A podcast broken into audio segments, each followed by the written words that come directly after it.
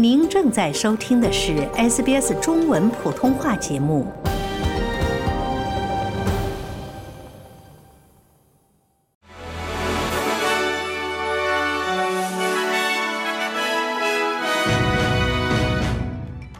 听众朋友们，下午好，我是 SBS 记者秋实。今天是二零二四年二月十九日，周一。本期 SBS 新闻快报的主要内容包括：悉尼暴风雨导致多区停电。四人遭雷击昏迷，一独立议员呼吁在议会进行酒精测试。阿尔巴尼斯称，巴布亚新几内亚大屠杀非常令人不安。下面请收听新闻的详细内容。四人在悉尼皇家植物园入口附近的一棵树下遭遇雷击，导致昏迷。救护车服务部门表示，今天下午一点左右开始闪电时，一名十几岁的男性，一名二十多岁的女性。和两名三十多岁的男性和女性正站在一棵树下。赶到现场的医护人员对这四人进行了烧伤和心脏方面的治疗。医护人员表示，并不知道四人是直接被闪电击中，还是因树被击中而受伤。目前，四人已被送往悉尼附近的医院，情况稳定。暴风雨过后，悉尼北部和猎人区约有1.95万户家庭停电。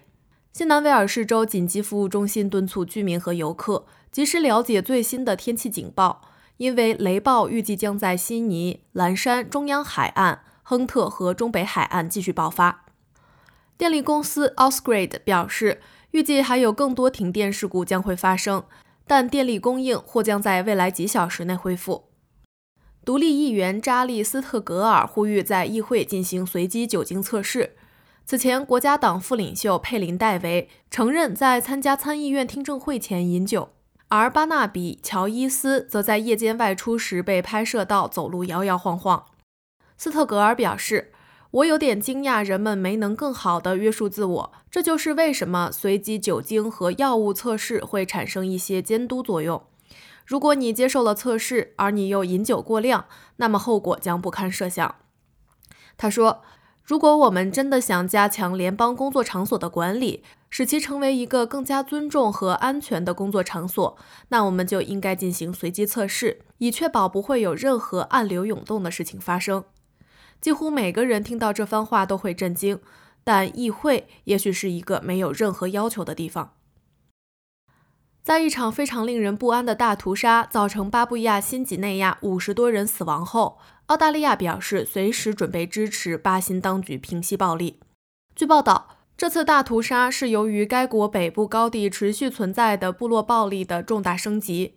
五十三人在一次伏击中被枪杀。澳大利亚总理阿尔巴尼斯表示，政府已准备好援助这个太平洋国家。阿尔巴尼斯说：“从巴布亚新几内亚传来的消息非常令人不安。”但我们仍然愿意用实际的方式提供力所能及的帮助。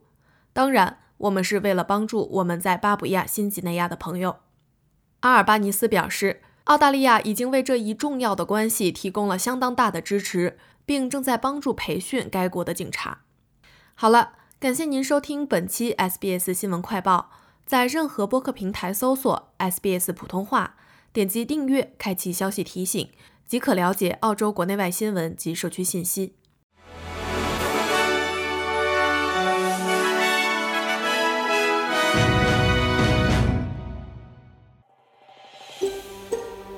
想听到更多这样的故事吗？